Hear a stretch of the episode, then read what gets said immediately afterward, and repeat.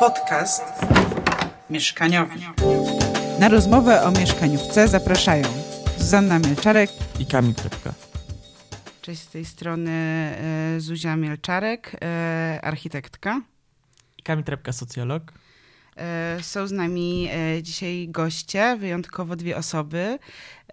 Gosia Kuciewicz, architektka z pracowni Centrala razem z Simonem de Jacobis e, badają e, relacje i zjawiska dotyczące e, procesów zachodzących między architekturą a przyrodą i zjawiskami atmosferycznymi, w tym między innymi z pewnością słuchacze, słuchaczki znają ich projekty, czy amplifikacja natury na Biennale w Wenecji, czy y, y, niedawno y, rzemieślniczy mikroklimat, który był pokazywany na wystawie Antropocen, albo też Dom Odziany.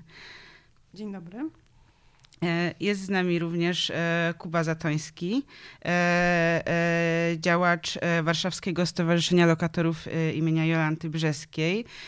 Działa również w zespole prawnym Inicjatywy Pracowniczej, a e, a w ramach swoich e, działań lokatorskich e, był inicjatorem akcji postulujących podłączenie mieszkań do centralnego ogrzewania, w tym innymi na Pradze Południe, czy niedawno w dzielnicy Włochy.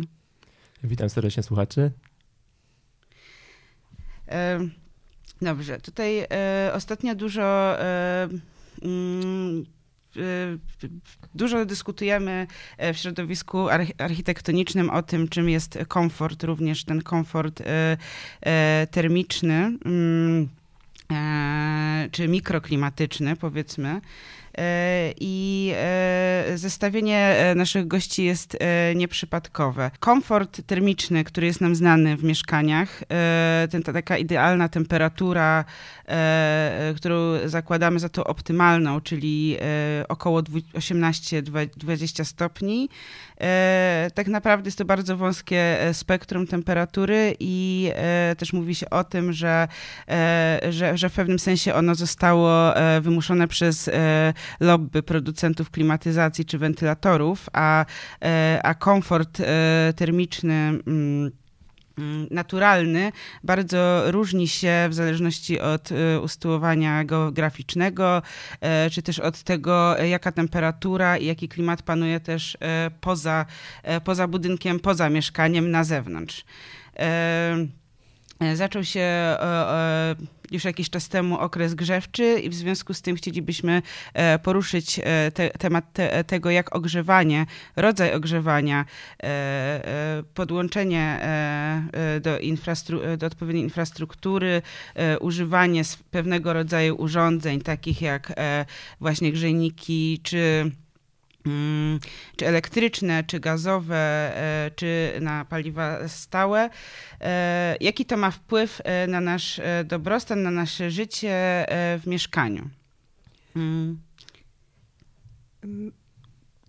Najtrudniej uświadomić sobie własne przywileje i mamy takie rozpoznania, że y, nie wszyscy rzeczywiście czują się e, w tych samych ujednoliconych warunkach e, optymalnie, że są osoby, które wolą spać e, w chłodniejszym pokoju, że też mamy trochę różne cykle okołodobowe, więc nie jesteśmy jakby tacy sami.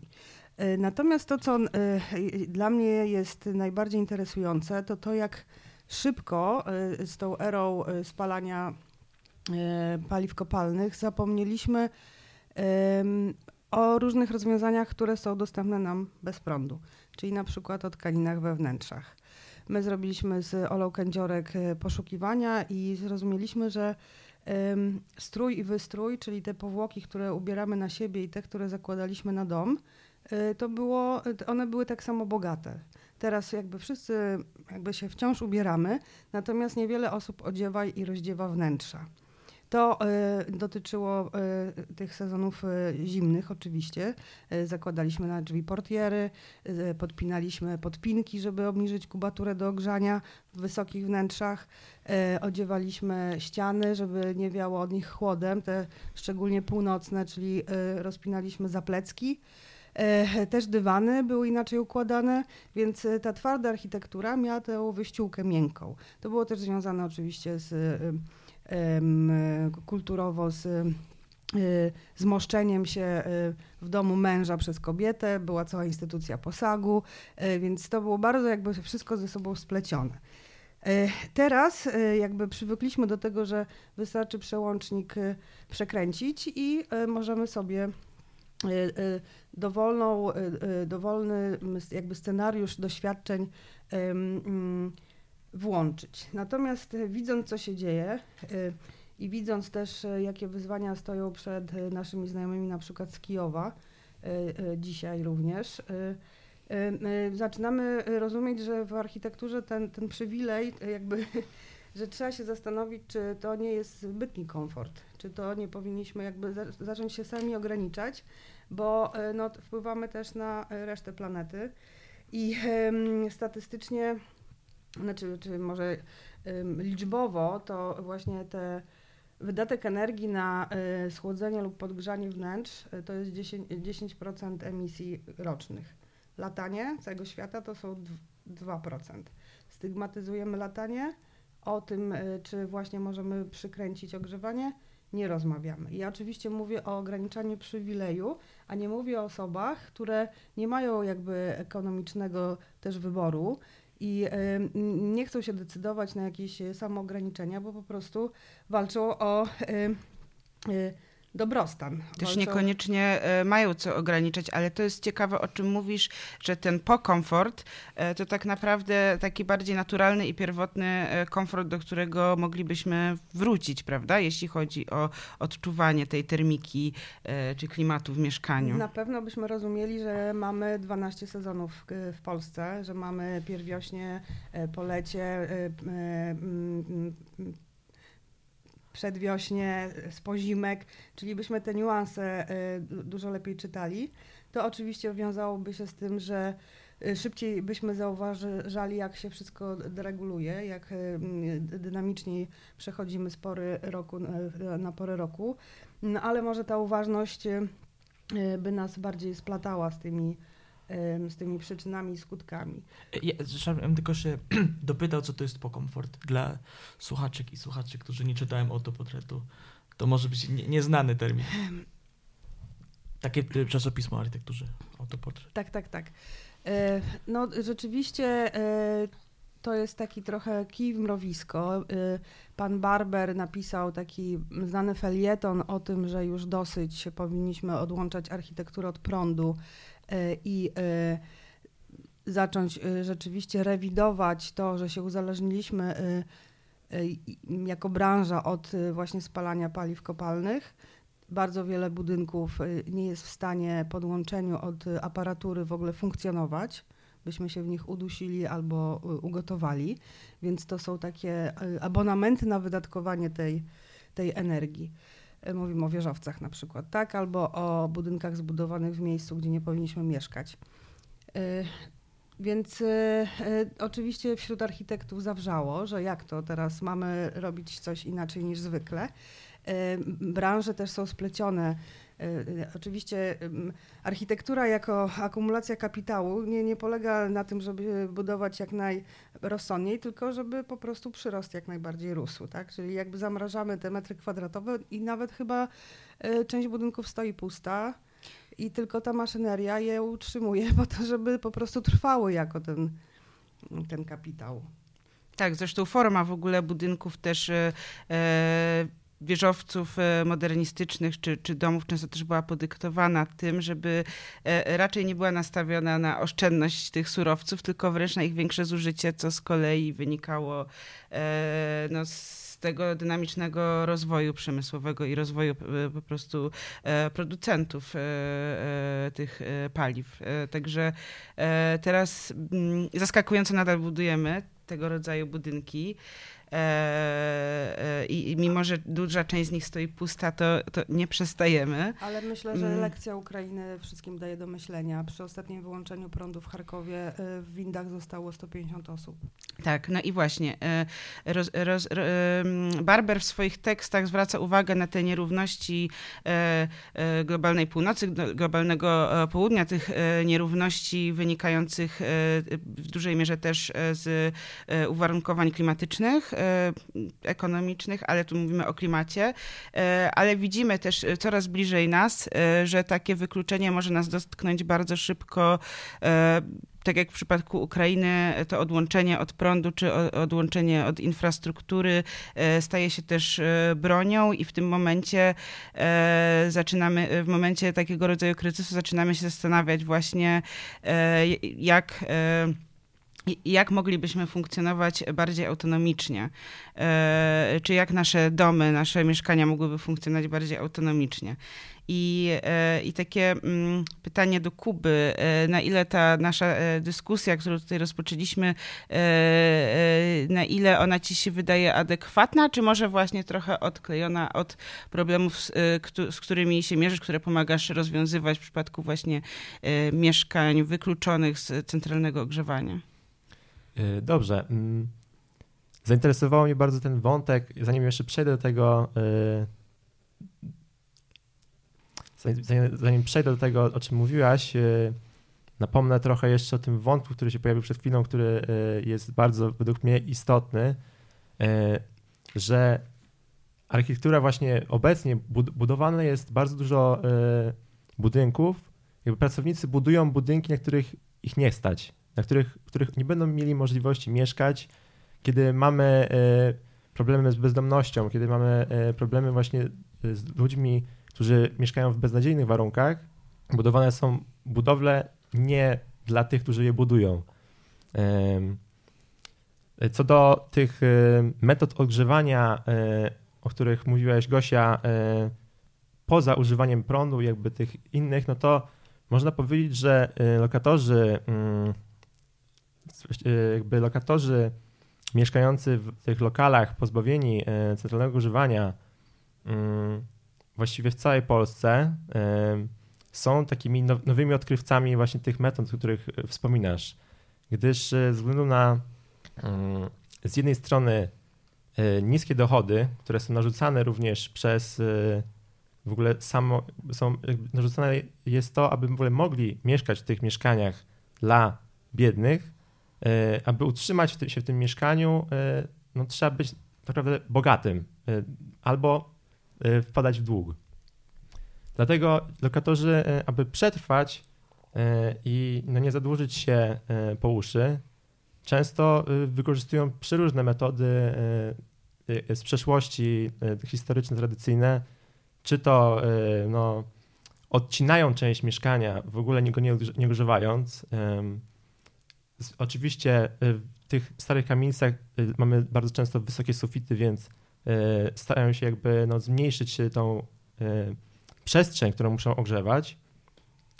Ponadto no, często po prostu w ogóle nie ogrzewają mieszkania i no, szukają jakiejś po prostu próbują wytrzymać, gdyż no to często jest oprócz tego, że dług nad, nad nimi wisi, to również jest to kwestia wyboru no, wyboru po prostu innych e, kluczowych, istotnych e, elementów życia, jak leki e, czy jedzenie.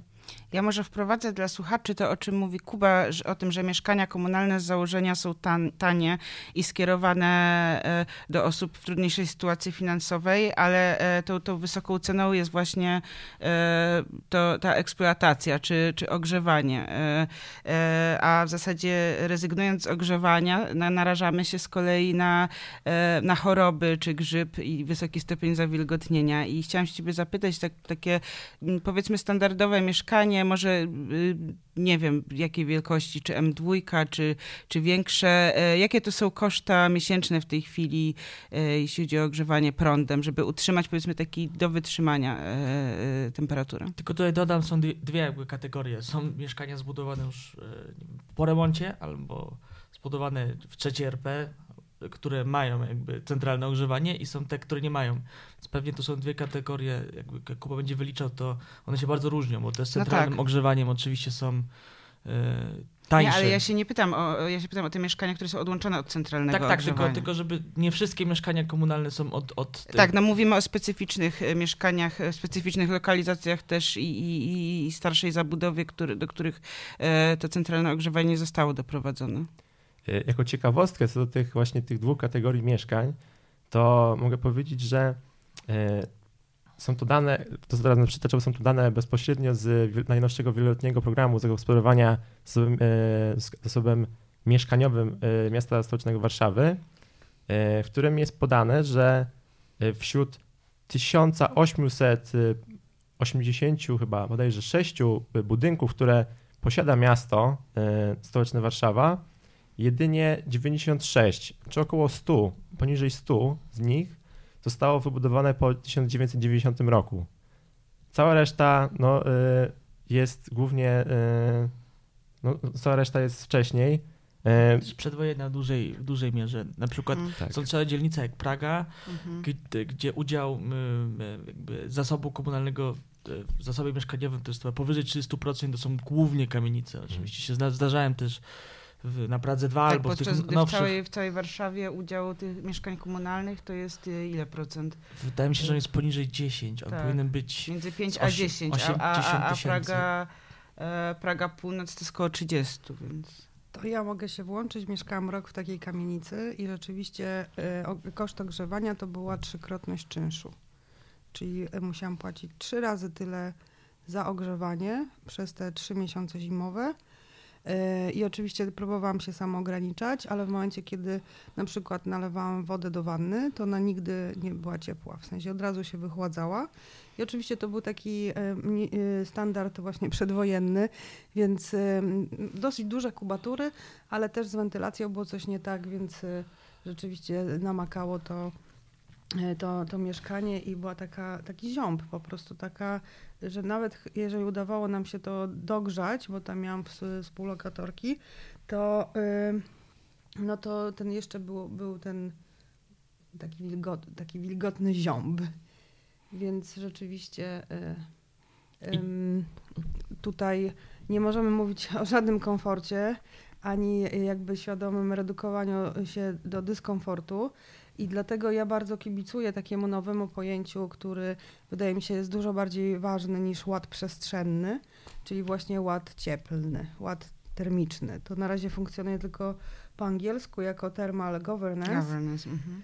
Ale jest, musimy zacząć widzieć ten e, krajobraz energetyczny i właśnie te niesprawiedliwości termiczne, bo dzisiaj rozmawiamy o podgrzewaniu się we wnętrzach, a e, akurat ten termin wyskakuje najczęściej, kiedy jest debatowane to, że nie widzimy, jak dogrzewamy siebie nawzajem przy upalo, upale. To znaczy mamy wentylatornię galerii handlowej, która ma oczywiście klimatyzowane wnętrza jako część ich strategii marketingowej i wywala to ciepło e, na sąsiadów. Tak. I my teraz przechodzimy przy takich wentylatorach i w ogóle nie mamy refleksji tego, że tu powstaje taka poduszka dodatkowego gorąca w przestrzeni publicznej, y, bo ktoś po prostu y, decyduje się na klimatyzowanie olbrzymich kubatur.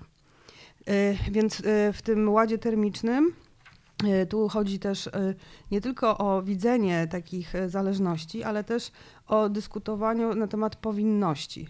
Czyli jeżeli budujemy sobie teraz wszyscy wspólnie Muzeum Sztuki Nowoczesnej, to musimy też patrzeć na to, jak na schron klimatyczny. Tam będzie kolekcja dla przyszłych pokoleń, będzie jakby utrzymywany ten mikroklimat dla zbiorów, tak jak w archiwach, ale w pewnych momentach możliwe, że będziemy tam rozkładać materace. A już na pewno powinniśmy do takiej służebności zmusić te galerie handlowe, że powyżej jakiejś temperatury po prostu zaczynają być domem kultury. Zresztą trochę tak się, y, może nie domem kultury, ale trochę tak się dzieje, że szukamy schronienia e, w tych klimatyzowanych e, galeriach handlowych, wielki upał w poszukiwaniu komfortu, e, czy nawet y, y, temperatur możliwych do wytrzymania, a będzie coraz gorzej. Tak, ale osoby, które są wykluczone finansowo, na przykład nie mogą sobie pozwolić tam na kawę, ani na do, żad- żadną usługę w takim domu, w takiej galerii handlowej, powinny też czuć się tam dobrze przy wielkich upałach. E, Zdecydowanie. To, to ważne, o czym... Y, bo, y, Okej, dobra, Nie, bo? Kuba jeszcze nie, nie, Nie nie, odpowiedział nie, na nie miał szansy odpowiedzieć na pytanie, to nim otworzymy o, o koszty.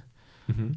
Zgadza się totalnie e, to, co Gosia mówi, że no te, te, ta zależność właśnie wynika zazwyczaj pojawiają się po prostu trzy bądź czterokrotnie e, wyższe rachunki niż czynsz, jaki opłacamy w danym mieszkaniu.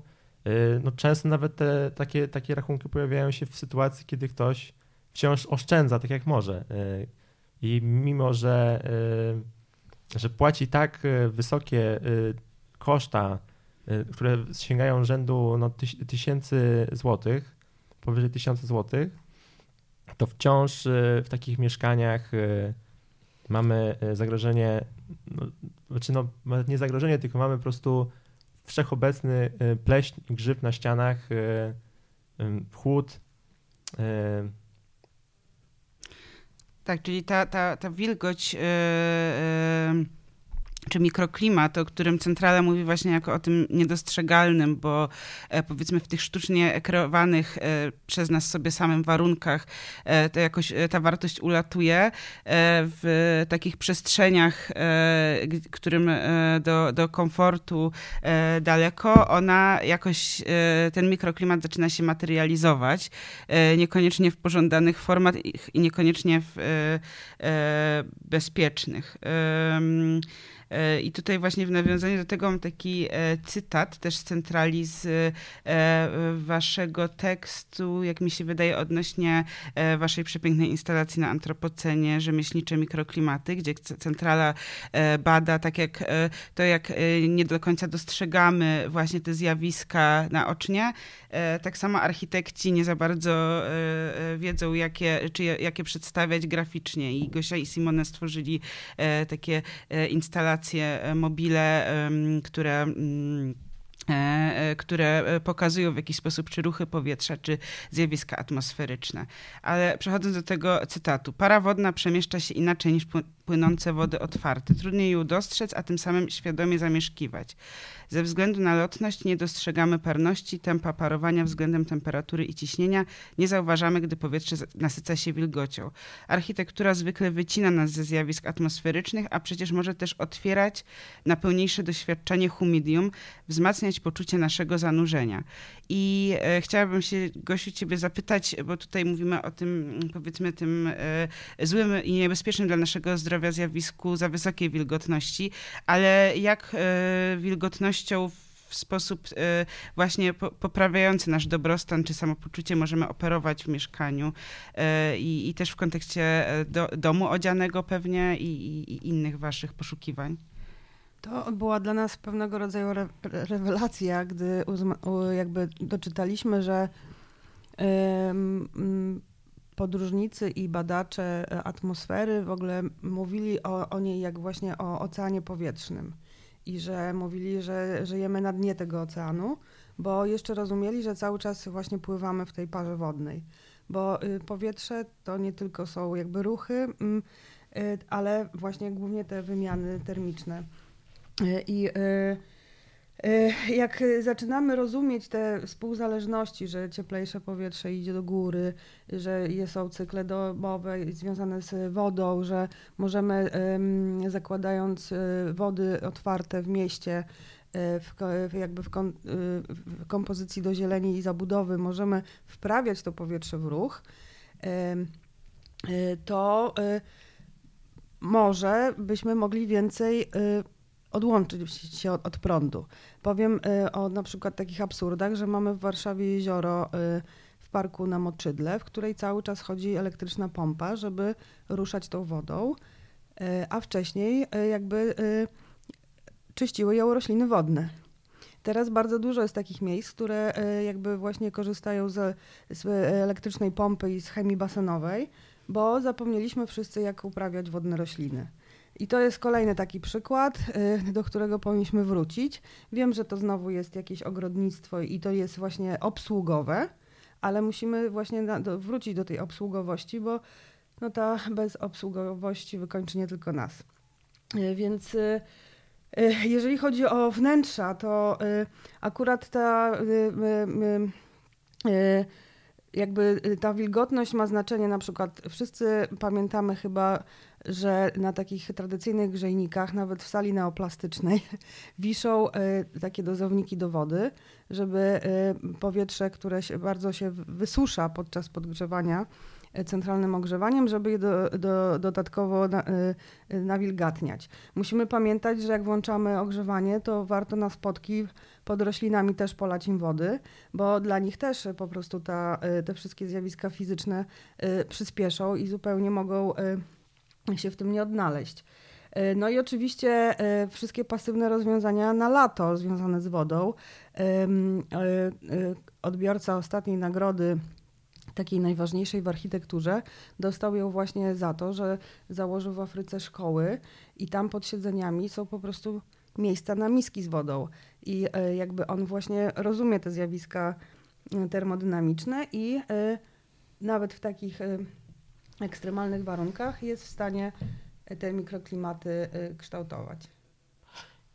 Ja chciałam się jeszcze raz zapytać do tych kosztów. Przepraszam, że Y, zmieniam temat do tych kosztów ogrzewania. Czy to jest tak, jak mówiła Gosia, że to jest trzykrotność czynszu, czy tam komornego?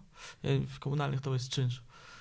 Tak, tak. No, trzy, trzy bądź cztery, nawet pięciokrotność. Taka, taka była, takie były nasze doświadczenia, kiedy prowadziliśmy ankietę na terenie Pragi Południe. Pytaliśmy się lokatorów o to, jakie właśnie podczas okresu zimowego E, wypadają im rachunki za prąd. E, no i te, tego typu kwoty się pojawiały.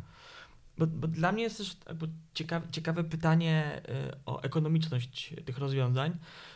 Mieszkania komunalne, jak się buduje już je na nowo, albo też te besowskie, trzeba tam się zmieścić w pewnym kosztorysie, to on się orientuje wokół wartości otworzeniowej. To jest taki wskaźnik specjalny, ile kosztuje jakby metr i w budownictwie jakby prywatnym, e, mieszkanie własnościowe czy tam na wynajem, to niby nie ma tego, te, tej wartości otworzeniowej, ale oni też się orientują, mają pewnie wewnętrzne wskaźniki, jak drogie powinno być to mieszkanie. I to jest pytanie o to, czy te rozwiązania wcale, czy to nie jest jakiś błąd w, w konstrukcji myślowej, w procesie budowlanym, że nie kalkulujemy kosztów, które będą później, nawet jak zbudujemy nowy dom, który jest ciepły, tak? Czyli nie mówię o takich problemach, jak są w starych kamienicach, tylko jak budujemy nowy dom, czy nie powinniśmy jednak też kalkulując budowę, wliczać też koszty nie tylko ekonomiczne tego ogrzewania, ale też e, no, takie użytkowe, po, użytkowe dla, dla, dla mieszkańca. Ja, ja pamiętam, że jak e, kiedyś się kłóciłem z analitykami, to mówię, no to zróbcie teraz drożej i będzie potem taniej w użytkowaniu. A oni nie rozumieli tego. Oni powiedzieli, jak zrobimy teraz taniej, to będzie trochę drożej, ale będzie zero. Ale chyba to są jeszcze oprócz Nie wiem, jak jest z tym ekonom... budownictwem służebnym, ale w, takiej, e, w takim budownictwie właśnie, e, e, która jest nastawiona na jednokrotną sprzedaż, to właśnie nie inwestuje się w takie rozwiązania, które przynoszą zwrot po dłuższym czasie. Tak byśmy mieli same zielone dachy, bo po prostu te dachy może prawnie będą zakazane dachy z papy na przykład, które się nagrzewają i powodują, że te mieszkania pod dachem są nie do wytrzymania latem. E, mm, więc e, nie ma nakazu malowania ich na biało, a, a najrozsądniej byłoby zakładać zielone dachy albo brązowe dachy, które się same obsieją roślinnością dookoła, bo one będą, one najdłużej będą dobrze działać i jeszcze poprawiać mikroklimat wokół. Więc mm, no i ja myślę, że nie ma takiego myślenia jeszcze o jak budować, y, myśląc o tym, że to będzie trzeba wynajmować wielokrotnie. Więc nie ma takiego myślenia jak za, nie wiem, pięć lat, kiedy będzie, nie wiem, nowy najemca, y, y, jeszcze ta jakość tej architektury powodowała, że to się wszystko zbilansuje na plus. Na razie jest tak, że po prostu trzeba to sprzedać raz, a potem może się rozsypać. Mm, ale w budownictwie na przykład y, pole do popisu, żeby to sprawdzić, byłoby budownictwo publiczne, które zostaje na wiele lat w zasobie publicznym, abstrahując tego jakby tam to dochodzenie do własności funkcjonowało, czy, tylko problemy chyba są potem współczynniki ekonomiczne, nie? bo tam trzeba, one muszą być tanie, bo być też w budowie. A co to znaczy tanie, jak potem się okazuje, No właśnie, że jest dużo to, to jest bardzo dobre pytanie, czy one nie są potem droższe w użytkowaniu, na przykład taki dom pasywny, y, nie wiem, ja, ja się boję, że źle zdefiniuję. Może jakby tutaj ar- panie architektki pomogły. E, Są rozwiązania pasywne, czyli takie e, rozwiązania, które są oparte na niewykorzystywaniu prądu, czyli na przykład przewietrzane mieszkania dwustronne. Otwieramy okna, robimy przeciąg. To jest na przykład pasywne rozwiązania. Często na pasywną, e, jako pasywną architekturę mówi się taką, taką bardzo uszczelnioną, która ma e, świetne parametry właśnie termoizolacyjne i potrzebuje bardzo niewielkiej ilości energii, żeby to wszystko chodziło. Ma na przykład pompy grzewcze, e, nie wiem, panele słoneczne, jest tak zbilansowana, że rzeczywiście ten e, praktycznie na zero wychodzi ten bilans. To Ale- się zadać pytać, czy to jest koszerne, bo tutaj Ja myślę- problem z wilgotnością, więc za, zadam Nie, pytanie, ja, ja, okej? ja stawiam na te pasywne rozwiązania bez prądu, czyli te tradycyjne, no, kominy, które dobrze przewietrzają, kominy, które można przymknąć zimą. Kto teraz m, jakby ma wajchę, żeby sobie regulować, w ogóle mm, e, e, tą e, wentylację. Oczywiście są jakby kominiarze muszą wrócić, mm, a większość budynków nowych ma cały czas takie anemostaty, które cały czas szumią, bo cały czas jest wymuszona wentylacja. Więc mm, jakby to jest jak z ubraniami. No, y, jak się zainwestuje na początek w świetne buty, to można wiele sezonów w nich przechodzić. A w tanich trampkach, no niestety. No bo to było w budownictwie ro, wielorodzinnym czy rodzinnym, jakby mieszkaniowym. E, A jakby sprawić, bo teraz w biurowcach ktoś ładnie to określił, że jest wieczny maj, czyli jest cały czas 23 e, stopnie i te ta, całe systemy pracują, żeby ten wieczny maj utrzymać. Jest jakby cały, cały rok mamy zamiast 12 sezonów jeden e, grzewczych. Jakby w, by wyglądało wtedy takie biuro, które by było zbudowane nie według zasad wiecznego maja, tylko według powiedzmy twoich? No po pierwsze nie byłoby wieżowcem, bo wi- windy, jak wiemy, też mogą być pułapkami. Ale y, jakąś taką wioską bardziej. Y, My y, bardzo też y, dużo walczymy o mokradła. I generalnie nasza wizja przyszłości to jest miasto z błota. Ja wiem, że to się wszystkim teraz może wydawać absurdalne, ale Warszawa ma największy problem z tym, że wysycha, jesteśmy obetonowani i musimy ją natychmiast zacząć rozszczelniać i zbierać tą wodę. E, Więc pewnie jeszcze taki, takie miejsce pracy to byłoby, dryfowałoby po prostu po tym błocie. Ale wracając już do, do, do takich bardziej realnych projektów, to wydaje się, y, że ludzie nawet nie wiedzą, że y, mogliby mieć wybór. W sensie, że jak mówimy o naturalnym budownictwie y, i rozmawiam z osobami, które jakby doświadczyły mieszkania na przykład w glinianym domu, który jest najbardziej optymalny, jeżeli chodzi właśnie o wilgotność, oddychanie tych ścian, to y, potem jak y, wracają do takiego em, budynku, gdzie wszystkie są szczelne powłoki malarskie i to bardzo nasycone chemią i to, to czują tą różnicę i wtedy wiedzą, że coś straciły. No, ja doświadczam tylko domu drewnianego, więc to akurat wiem, jak, jak to działa, że też, że on się na przykład wystudza rzeczywiście i rano jest dużo chłodniej niż, niż wieczorem, więc teraz wracając do bloku, no to też czuję różnicę. Ale większość ludzi w ogóle nie ma tej refleksji, że mieszkamy w jakichś opakowaniach, które y, normatywy jakby y, ukształtowały mm, i że moglibyśmy mieszkać inaczej. Czyli e, to, to biuro e, dryfowałoby po mokradłach, ale byłoby też zbudowane z, e, z błota czy z gliny. Mm, tak, w, tw- w tym twoim, e, powiedzmy w tej wizji e, ekstremalnej. No, e, słuchajcie, to może e, jako, że zbliża się święto mokradeł, e, w lutym jest zawsze na początku lutego. Jest- Jest takie święto? A Tak, tak, jakieś no od oficjalne 50 święto? lat. No tak. I co wtedy się robi? Wszyscy pochodzimy z mokradeł. E, Chodzi się po bagnach i się rozmawia głównie o tym, co tracimy. I e, przyrodnicy opowiadają nam, jak bagno jest ważne, że jest ważniejsze niż puszcza, że e, ma zakumulowany w sobie dwutlenek węgla, że jak osuszamy, to mamy pod, podwójną emisję. Że musimy odejść od, od ogrodnictwa na torfie. Nikt z nas nie wie, co wysypuje do doniczki. A m, też zapytaliśmy, jeszcze nie wiemy, ile miasto Warszawa wysypuje torfu jako podłoże ogrodnicze y, na warszawską zieleń, bo żeby rosły nam ładnie tulipany, to gdzieś osuszono mokradło.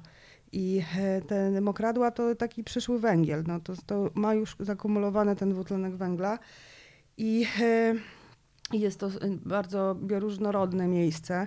Więc w Warszawie e, na przykład powinniśmy zadbać o jakby sprawy lokatorskie, ale jakby z przyrodniczego punktu widzenia i mikroklimatycznego, to powinniśmy po prostu wykupić zakole wawerskie, które y, jeżeli zostanie osuszone, bardzo negatywnie to wpłynie na mikroklimat w centrum Warszawy. A to może tak zadać, ja mam dwa pytania. To może pi pierwsze będzie takie, um, no to mamy z dylemat, nie? Bo ludzie potrzebują gdzie mieszkać, potrzebują mieszkania, mieszkań społecznych, komunalnych, jest tylko za mało w Warszawie.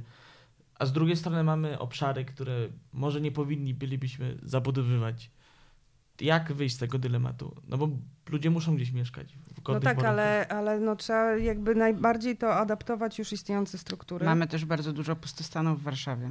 No właśnie i powinniśmy jak najwięcej tej materii już zbudowanej po prostu y, przekształcać, bo wiemy wszyscy, że to jest zło, w sensie, że budowanie nowych obiektów to jest tylko mm, e, jakby podgrzewanie planety. E, I oczywiście te mieszkalnicze problemy to są najpilniejsze i najważniejsze, ale w Warszawie mieszkają nie tylko ludzie, są też zwierzęta i e, zdrowie cyrkularne i pandemia wszystkim chyba uzmysłowiła, jak ważne jest to, żeby im też było dobrze, żeby miały gdzie mieszkać i żeby myśleć też o ich interesach w mieście. No, a, a drugie moje pytanie, skoro to jest e, jakby. Z, z, z, już zaraz, zaraz, skoro to jest e, powiedzmy socjaldemokratyczne medium, to jak sprawić, żeby to było bardziej ekologiczne? Może po prostu ustawowo? Ale co, żeby było bardziej ekologiczne? Budownictwo, budownictwo wielorodzinne. I e, właśnie też... tacy światli architekci, oni się skarżą, że to jest nadregulowane, że te normatywy właśnie nie dopuszczają tych nieatestowanych materiałów naturalnych, które tylko z dziada pradziada były sprawdzone jako te dobre.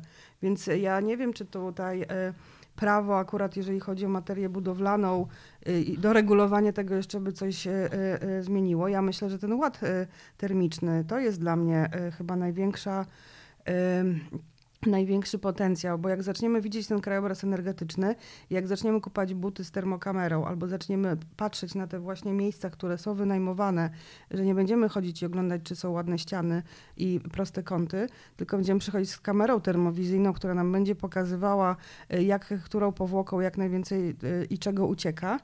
I jak będziemy, nie wiem, przechodzić z kominiarzem, który nam opowie, y, co to znaczy dla naszego mm, poczucia we wnętrzu, to jak to jest zbudowane, to się okaże, że y, y, może to się ureguluje. No ale myślę, że e, bo, bo rzeczywiście mm, doregulowywanie to może nie jest ten kierunek, ale e, bardziej dopuszczenie pewnych materiałów, bo to też się tyczy materiałów z odzysku, materiałów z drugiego obiegu. E, oczywiście raczej chcielibyśmy budować jak najmniej, a jeśli już budować, to wykorzystywać czy materiały naturalne, czy materiały właśnie na przykład z odzysku, z mądrych rozbiórek, co w Polsce w tej chwili być może zdarza się w jakichś kameralnych realizacjach prywatnych, ale jeśli chodzi o takie realizacje na większą skalę, właśnie ze względu na atestowanie materiałów i to samo pewnie też tyczy się pewnych materiałów naturalnych, jest w zasadzie niemożliwe. I architekt nawet e, jakby wykazując dobrą wolę e, i chęć wdrożenia takich materiałów w swój projekt, po prostu z tego rezygnuje ze względu na szereg utrudnień, więc raczej ułatwienie korzystania z takich materiałów. Ale ja pozostanę sceptyczny. W Polsce jak się czegoś nie, jak jest deregula deregulacja, to wcale nie oznacza, że to Ale... będzie wprowadzone na przykład w budownictwie publicznym jako materiał. Ale no to nie mówi nikt o deregulacji. Ja się, ja się tylko... tylko... po prostu boję, że to będzie fanaberia taka, że... Yy... W tej chwili jest fanaberia. No właśnie, ale żeby, żeby, żeby... Wydaje mi się, że żeby to było bardziej powszechne też w budownictwie yy, opłacanym z, częściowo z budżetu państwa, to powinny one te rodzaje budownictwa publicznego być zobligowane, żeby tak budować. No hmm. tutaj jest jeszcze taka kwestia, że te budynki są rozstawiane w krajobrazie w taki sposób właśnie wynikający tylko z parcelacji i z własności. I e, jak się patrzy na te założenia, e, które powstawały zanim się podłączyliśmy wszyscy do prądu, to rozumiano nawet traktaty o tym pisano, jak ważne jest y, stawianie budynków, y, orientując je względem wiatrów, stron świata, y, jak one reagowały, też miały y, inne otwory od różnej strony, że nie wiem, przedsionki budowano, a nie zakładano elektryczne kurtyny, tak jak teraz w większości na przykład miejsc komercyjnych. Więc najpierw bardzo analizowano te warunki też sezonowe i dopiero potem stawiono te budynki. A teraz jednak dyktuje właśnie podział własnościowy i możliwość y, pozyskania gruntu, więc czasami stają te budynki w bardzo wiecznych miejscach, a czasami w takich, że jest tam bezd- bezduch, bo w ogóle się powietrze nie rusza. I e, tutaj może taką regulacją, która mogłaby pomóc, to jest jednak e, podniesienie rangi e, e, znaczenia architektów krajobrazu i architektek, bo teraz one są zapraszani, są ci ludzie jako tacy bukieciarze na koniec, żeby jeszcze umilić tą przestrzeń ludziom, tak? Mhm. I zawsze na to już nie ma pieniędzy. No teraz wszyscy walczymy o drzewa, więc może jakieś tam drzewa się pojawią, ale y, to jest takie dekorowanie, a powinno być odwrotnie. I jak patrzymy, jak odbudowywano Warszawę, to najpierw jednak y, analizowano cieki wodne i, y, i zieleń, a dopiero potem y, jakby rozstawiano te osiedla. Więc tu jeszcze mam taki, taką myśl, że może akurat nie o same materiały budowlane, ale bardziej o to, żeby odwrócić ten proces, żeby mądrzej y, lokalizować te, te, te, te budynki. Mm, Ale teraz mówimy o budynkach, które e, potencjalnie mogłyby powstać, nowych, ewentualnie nowych budynkach, ale e, właśnie tak rozmawiając o tym mieście jako e, też tutaj z waszego wywiadu z Saszą Rezlerem, krajobrazem energetycznym, tak, w tym waszej rozmowie bardzo ciekawej w autoportrecie o, o tym ładzie przestrzennym, jako tym równie ważnym jak ładzie cieplnym, równie ważnym jak ład przestrzenny, czy ład akustyczny, czy świetny, jeśli chodzi o zanieczyszczenie światłem. E, I taki budynek, w którym znajdują się te mieszkania, których mieszkańcy e, czy lokatorzy e, są w przypadku właśnie mm, tego ubóstwa energetycznego, czy, czy wykluczenia od infrastruktury, są pokrzywdzeni jako mieszkańcy danego mikroklimatu, czy ekosystemu, którym jest to mieszkanie.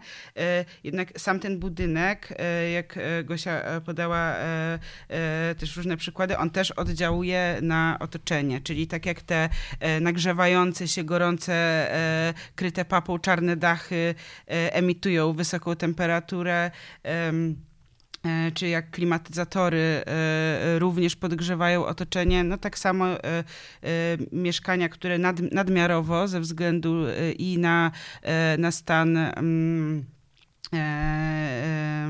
i stan izolacji budynków i e, medium, jakie jest używane do, do, do podgrzania temperatury, również emitują bardzo e, e, czy ciepło i, i, i dwutlenek węgla. I mam takie pytanie, czy może byś coś powiedział o, o, o, o sukcesach, jakie udało wam się odnieść właśnie w tej walce z, o, o podłączenie pewnych budynków czy mieszkań i jakie to były zmiany wprowadzone?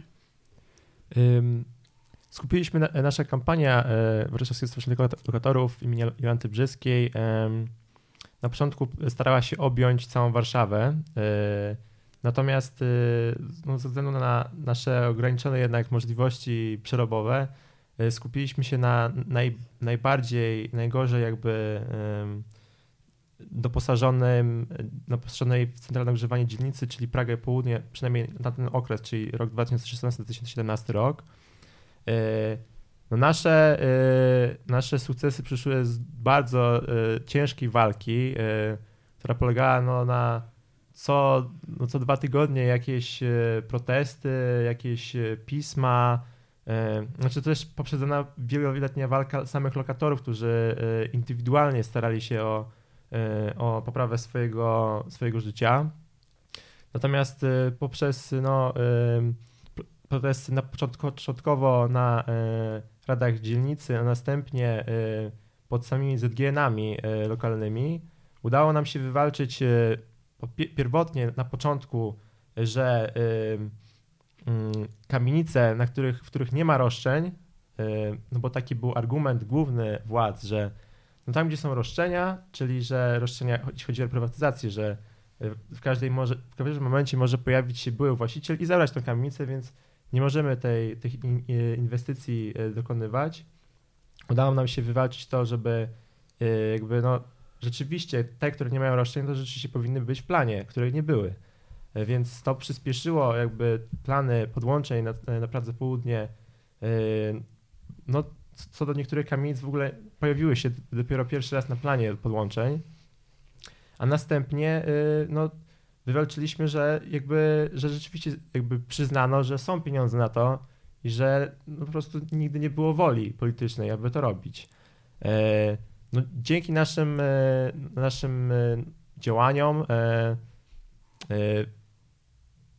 w, na, jakby na rok 2020-2022, y, no i też powiedzmy te lata kampanii, no podłą- plan podłączeń do centralnego ogrzewania z no tam powiedzmy kilkunastu budynków przyspieszył do, no jeśli nie to, że pandemia nas zaatakowała i oczywiście pojawił się kryzys czy coś, no to miało być podłączone powyżej 2000 budynków co oznacza, y, co oznacza jakby oprócz y, jakby podłączenia budynku do y, samej tej sieci ciepłowniczej, również no, gruntowne remonty, czyli docieplenie, osuszenie tego budynku w ogóle.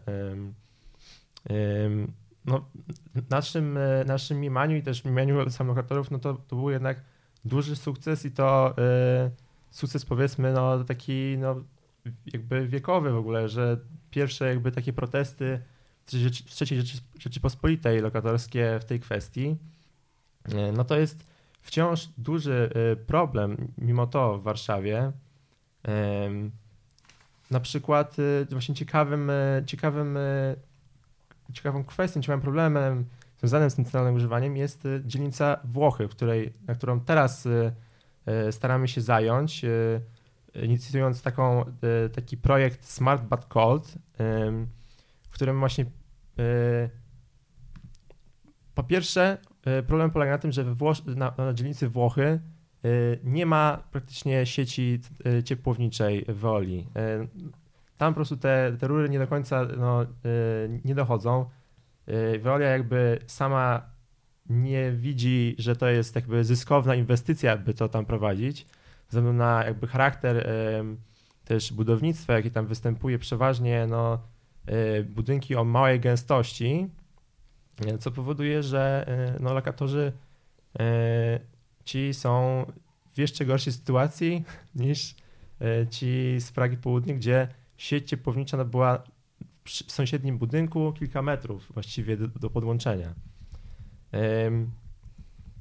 Ogólnie tak jeszcze wracając do tego, do tego cytatu wcześniejszego o parze wodnej, jak ona przepływa przez, przez nasze, nasze otoczenie, no to tak trochę żartobliwie mogę powiedzieć, że władzą i administracji no, bije para wodna na okulary, jak, przychodzi, jak się przychodzi do nich z problemami związanymi z, właśnie z niedogrzaniem mieszkań i no, zły, złymi warunkami w nimi panującymi, gdyż jeśli Y, lokator zgłosi taki, y, taki problem y, władzy czy administracji, no, głównie administracji swojej własnej lokalnej, że nie jest w stanie mieszkać, jakby nie jest w stanie mieszkać w takim mieszkaniu, że no, nie da się po prostu żyć w, takich warunkach.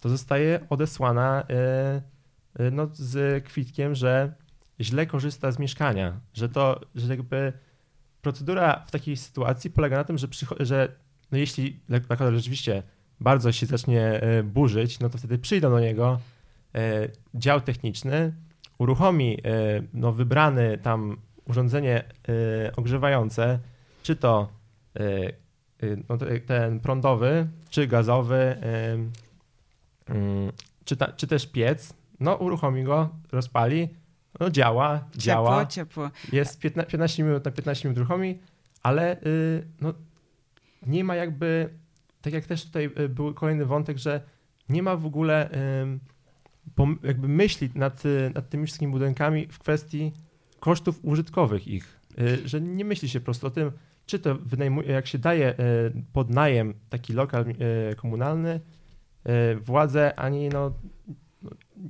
a sama administracja nie bierze pod uwagę w ogóle, ile będzie kosztowało e, użytkowanie tego, e, tego lokalu.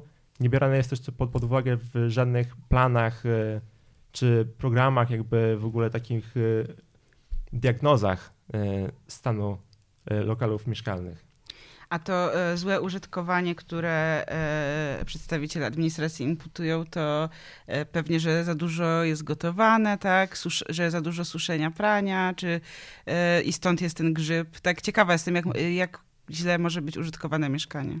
Najczęściej, no, ja byłem na takiej, e, właśnie takiej wizycie, e, czy to jest wizja e, lokalo, lokalowa i byłem w, w mieszkaniu na Serockiej, w której lokator zachorował na gruźlicę mm, ze względu na warunki panujące w tym mieszkaniu. Jest to, sam widzę z twarzy, że tutaj moich współsiedzących, rozmawiających, rozmawiających ze mną, że jest to no, to choroba jakby taka, no, y, nie, to nie jest, to jest XXI wiek, no taka choroba nie powinna się pojawiać e, w naszych, e, no, naszym, i to jeszcze w Warszawie. E, Natomiast warunki, które też zbadaliśmy przy, z pomocą mykologa w tym mieszkaniu, no, były okropne. Były grzyb no, na, na, praktycznie w każdym pokoju. Też grzyb czarny, ten budowlany, ten bardzo e, no, jakby naj, naj, taki najpowszechniej znany, że bardzo niebezpieczny dla, e, dla ludzi. E, No a natomiast jak przyszła wizja lokalowa do tego mieszkania, to powiedziano nam, no, że jest, działa e, grzejnik e, ten prądowy, no a czemu ten, czy otwiera pan okna zimą? No oczywiście, że jakby ci lokatorzy nie, mogą otwierać okien, jak e, jest taki mróz, gdyż no, boją się, że no, no, po co grzeją w mieszkaniu, żeby poczuć się jakby ciepło. Jak otworzą okno, no to powiedzmy, że ta wilgoć może y, ucieknąć, ale ucieka też to ciepło, jakby no to jest taki jakby no nie widzą kompletnie jakby realiów y, życia w tym mieszkaniu i zrzucają zawsze winę na lokatora, że zatyka na przykład y, wietrzniki, tak, jakby takie, no, y, co mają odciągać wilgoć, y, właśnie z tego powodu, że chcą czuć się cieplej i jakby przeżyć zimę. Mm, Kuba wspomniał, y, że to nie tylko to podłączenie do sieci ciepłowniczej, ale też remonty, czy właśnie termomodernizacje. I, i tutaj takie pytanie e, e, do, do Gosi odnośnie właśnie tego, jak, pot, jak potraktować istniejące budynki. E, Często też jest to tkanka zabytkowa, historyczna. Y, Czy, czy są jakieś alternatywy dla tej bardzo popularnej w naszej części globu termomodernizacji styropianem czy e, innymi sztucznymi materiałami, których e, pewnie mm, wpływ na środowisko moglibyśmy, e, znaczy, które moglibyśmy poddać pod wątpliwość ich użytkowanie. Jakie mogą być alternatywy? Mm, Już nie w samej tej eksploatacji, o której mówiliśmy, ale w, w remontach czy przeprojektowywaniu takich budynków. Jest taki znany przykład z Bordeaux, kiedy do takiego bloku y, z paneli dostawiono powiedzmy taką jedną wielką werandę, czyli każdemu dobudowano mm, taki dodatkowy przeszklony balkon, czyli zrobiono taką drugą skórę.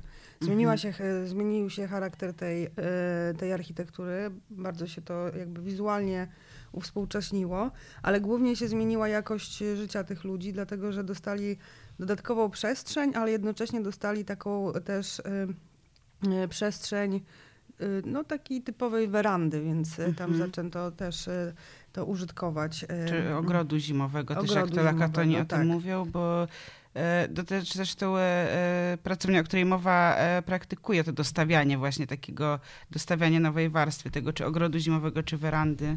Tak, i też oglądałam, teraz dużo jest w, w, mm, wiadomościach takich różnych pomysłów, różnych wspólnot. E, Oglądałam taki materiał o bloku, który też e, zrobił loddzie z balkonów. e, przeszklone i to bardzo nawet estetycznie fajnie wyszło. Więc, te, więc takie te, te nowe skóry nie muszą być ograniczone tylko do tego styropianu. W sensie musimy zobaczyć po prostu więcej rozwiązań.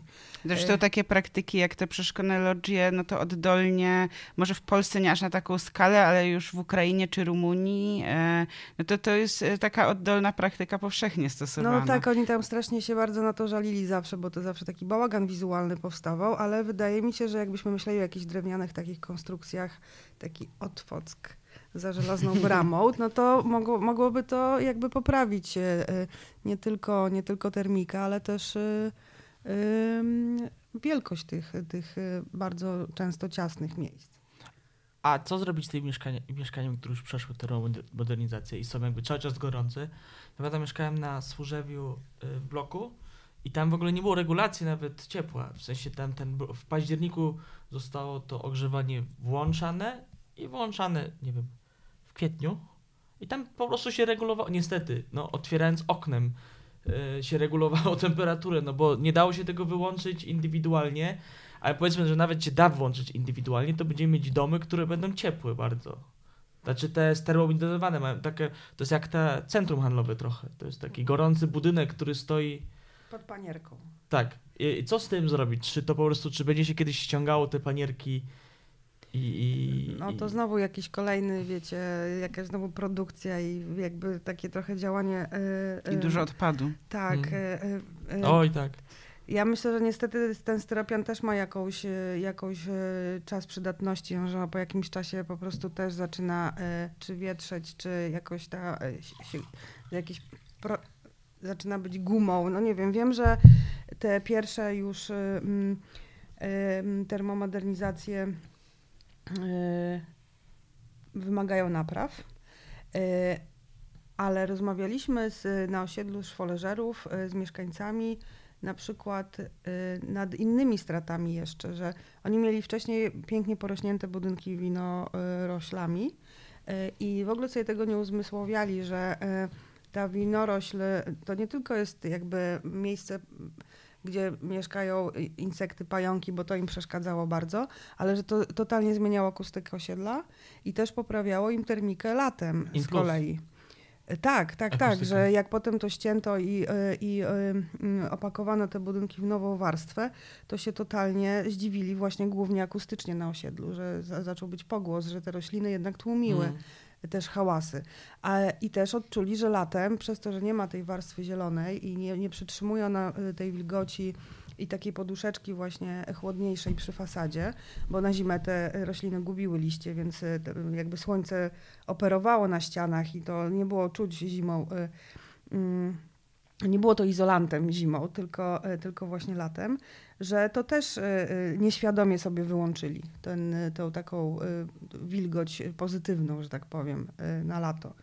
Więc ja nie wiem, ja mam nadzieję, że na przykład na politechnikach zaczną być teraz takie projekty, że zaczniemy parametryzować te nieuświadomione sobie termiczne różne zależności, bo bardzo bym chciała wiedzieć wymiernie po prostu, ile na przykład taka, taka ściana z pnącza rzeczywiście pomaga, na ile to są tylko takie opowieści, anegdoty miejskie. Albo y, y, żebyśmy robili takie audyty termo, y, termodynamiczne, bo wydaje, nawet nie wiem, kogo bym miała zapytać, jakiegoś różdżkarza, który by miał przyjść i powiedzieć, jak tutaj można po prostu to mm, poprawić, ale może na przykład studenci, czy to Wydziału Sanitarnego, czy to Wydziału nie wiem, nie wiem, różnych instalacji mogliby robić takie, takie y, przeglądy, y, czy to budynków właśnie komunalnych, czy, czy budynków publicznych. Bo słyszałam anegdotę, że Opera Narodowa pożera tyle prądu, co cały Pruszków. No, jest też tak pięknie oświetlone. I, Mm. to są tam, I w sumie tam są dwie, dwie instytucje. Bo jest Opera Narodowa i Teatr Narodowy. Więc ja bym chciała wiedzieć, ile zżera Pałac Kultury. Mhm. Bardzo Mm. dużo. No, może ma tak grube ściany, jest tak fikuśnie przeprojektowany y, na wszystkie kataklizmy, że właśnie może, może nie. A czy ci mieszkańcy na, na, na osiedlu, o którym wspominałeś, y, o, d- oni wtedy ma, oni mają taką refleksję, że dobra, to zróbmy znowu te, te zieleń na, na, na, na ścianie? Czy po prostu opowiadają o tym jako pięknej y, historii, ale jakby, czy oni chcą, czy oni na przykład wpadli na to, żeby to przywrócić? No rozmawiali o tym, nie wiem, jako, jako podjęli decyzję, to też są jakby sprawy większej grupy, więc tutaj, e, tutaj em, były takie też sentymentalne, jakby chęć powrotu do takich obrazków znanych, bo to osiedle też jest znane właśnie z tej e, e, zieleni. E, Ale To nie też wiem, nie jest tak od razu też decyzję. roślina nie na każdej nawierzchni tak Tak. dobrze rośnie, bo może być na przykład e, wcześniej ściana, czy z jakąś inną teksturą, czy klinkierowa, ceglana, do której lep, była lepsza przyczepność, a potem na tym nowym e, tynku i pod sp- e, te- tej e, tak zwanej panierce e, e, termomodernizacyjnej niekoniecznie tak, zawsze tak dobrze te rośliny już e, e, rosną. Ja też Mm. słyszałem, że jedna architekta chciała zrobić właśnie jakąś roślinność na ścianie. To przyszedł e, strażak odpowiedzialny za przepisy przeciwkopożarowe i powiedział, że to jest niezgodne z nimi. Co oczywiście nie jest do końca prawdą, ale musiała się z nim kłócić. Że jak, jakby tak, no faktycznie Musiałyby bardzo łatwiej. zdrzewieć, żeby Nie, ale tak on to interpre, tak interpretował to przepisy, że nie można, nie można budować, to jest może kontrowersyjną wykładnią, ale też tak też się pewnie dzieje. No, skoro na nią wpadł, no to To jest ja, taka wykładnia. To może przejdziemy teraz do takiego zagadnienia, y, bo to już parę razy rozmawiałam na ten temat, że też nie, nie uświadamiamy sobie, ile zieleni mamy pod prądem. W sensie, ile parków na przykład w Warszawie, y, jeżeli nie będzie mechanicznie podlewane, ile z tego uschnie. Już nie mówisz o oświetleniu, tylko o... Nie, mówię o, o na przykład podlewaniu, tak? Albo jeżeli wy, wyłączylibyśmy prąd w budynku Biblioteki Uniwersyteckiej, to co, jak, jakby, jakby zamierał ten ogród, który też wydaje nam się jest y, uzależniony od maszynerii, która tam cały czas działa. To też jakby nie, nie mamy świadomości takiej nawet. Dlatego y, byłoby dobrze, gdybyśmy zaczęli widzieć, gdzie, jak ta energia ucieka w Warszawie i żebyśmy mogli dyskutować o tym, czy Y, Bo teraz, nie wiem, na przykład wyłączyli oświetlenie takie e, ozdobne na święta jako oszczędność. Ale czy to jest oszczędność, czy to jest tylko takie e, bardzo e, mm, działanie, które nie, nie przekłada się bardzo e, dużo na, na jakieś zyski? Może warto byłoby Włączyć, żeby nie pogorszyć nas, nastroju świątecznego, żeby był jednak wesoły adwent. Nie, nie, nie, no ale może na przykład e, nie musimy podświetlać, nie wiem, budynków. albo mostów, albo... E, Ale no to tak, też, te, to- te problemy dotyczą też jakby innych miast oczywiście, bo my tu mówimy o Warszawie, ale Kraków ma z, kab- z kamienicami ten sam problem, z lokatorami, Poznań, Wrocław i tak dalej. E, To mm, e, ten przykład, e, który podałaś e, tych nieoświetlonych e, ozdób świątecznych, to jest rzeczywiście jakaś taka rezy- rezygnacja z dodatku i z fanaberii, ale jeśli chodzi o czy ogrzewanie, czy też oświetlenie, to coraz bardziej widać i w różnych instytucjach, e, i w, i w mniejszych i większych miastach. E, Na przykład e, e, rezygnację z, z otwarcia w pewne dni, albo e, skrócone godziny działalności, właśnie ze względu na, czy na ogrzewanie, czy na e, oświetlenie. Na przykład e, na Wydziale Architektury w Brnie, gdzie wykładamy z Kacprem Kępińskim, tam prawdopodobnie uczelnia przez miesiąc będzie zamknięta. E, Studenci nie do końca wiedzą, jak będą mieli pracować nad makietami, modelami, bo uczelnia ma być całkowicie zamknięta, właśnie odłączona od prądu i od ogrzewania ze względu na oszczędności, więc to już się dzieje i być może trochę tak jak jeszcze parę lat temu, kiedy podnosiło się dyskusje o istocie e, jakościowych, dostępnych mieszkań na wynajem, e, zazwyczaj to spotykało się z protestami ze względu na ten taki silnie ugruntowany konstrukt e, własności i jakieś poczucie tego, że, że, że własność to jest absolutnie jedyne wyjście. W momencie, kiedy kredyty hipoteczne stały się w zasadzie nieosiągalne, nagle, nagle rynek zaczyna na to jakoś reagować i już deweloperzy coraz więcej oferują te mieszkania na wynajem i nagle zainteresowanie nimi jest większe, więc być może właśnie te sytuacje tego niedoboru sprawiają takiego, tego właśnie mm, tej niewygody e, sprawią, że zaczniemy pewną niewygodę akceptować i trochę ją też wdrażać i ona stanie się normą. Tylko chciałem podkreślić, że Gosia ani razu nie postulowała zamykania szkół, tylko raczej e, przez oszczędności, tylko, tylko i na inne projektowanie. Żeby Nie, to... żebyśmy E, sobie, ale e, bo teraz to tak, wiecie, by- jakby nie wiemy między czym wybieramy a czym, bo nie wiemy tak naprawdę ile tego prądu co zjada. Jakby nie wiemy jaki jest rachunek za energię e, miasta stołecznego na przykład, tak? Nie wiem, czy ta anegdota o Operze Narodowej jest prawdziwa, czy nie. Za wysoki I- życie, po prostu. Nie, i wydaje mi się, że też, no, znając życie, to dużo ucieka po prostu, bo nikt nawet sobie nie uświadamia, że gdzieś tam chodzi jakaś taka lampka LEDowa, ale w skali po prostu urbanistycznej. Ale to jest to, co wy robicie w ramach tej akcji na Włochach, czyli montaż liczników e, w mieszkaniach, żeby udokumentować dane, jakie, z jakimi kosztami i żeby mieć jakoś zmapowane, e, z jakimi, e, z jakimi kosztami mierzą się lokatorzy. Tak samo, gdyby do informacji publicznej na przykład zostało podane właśnie poszczególne budynki użyteczności publicznej, ile zjadają prądu i te, na, na jakie cele, to pewnie moglibyśmy się jeszcze bardziej zdziwić niż z tą operą.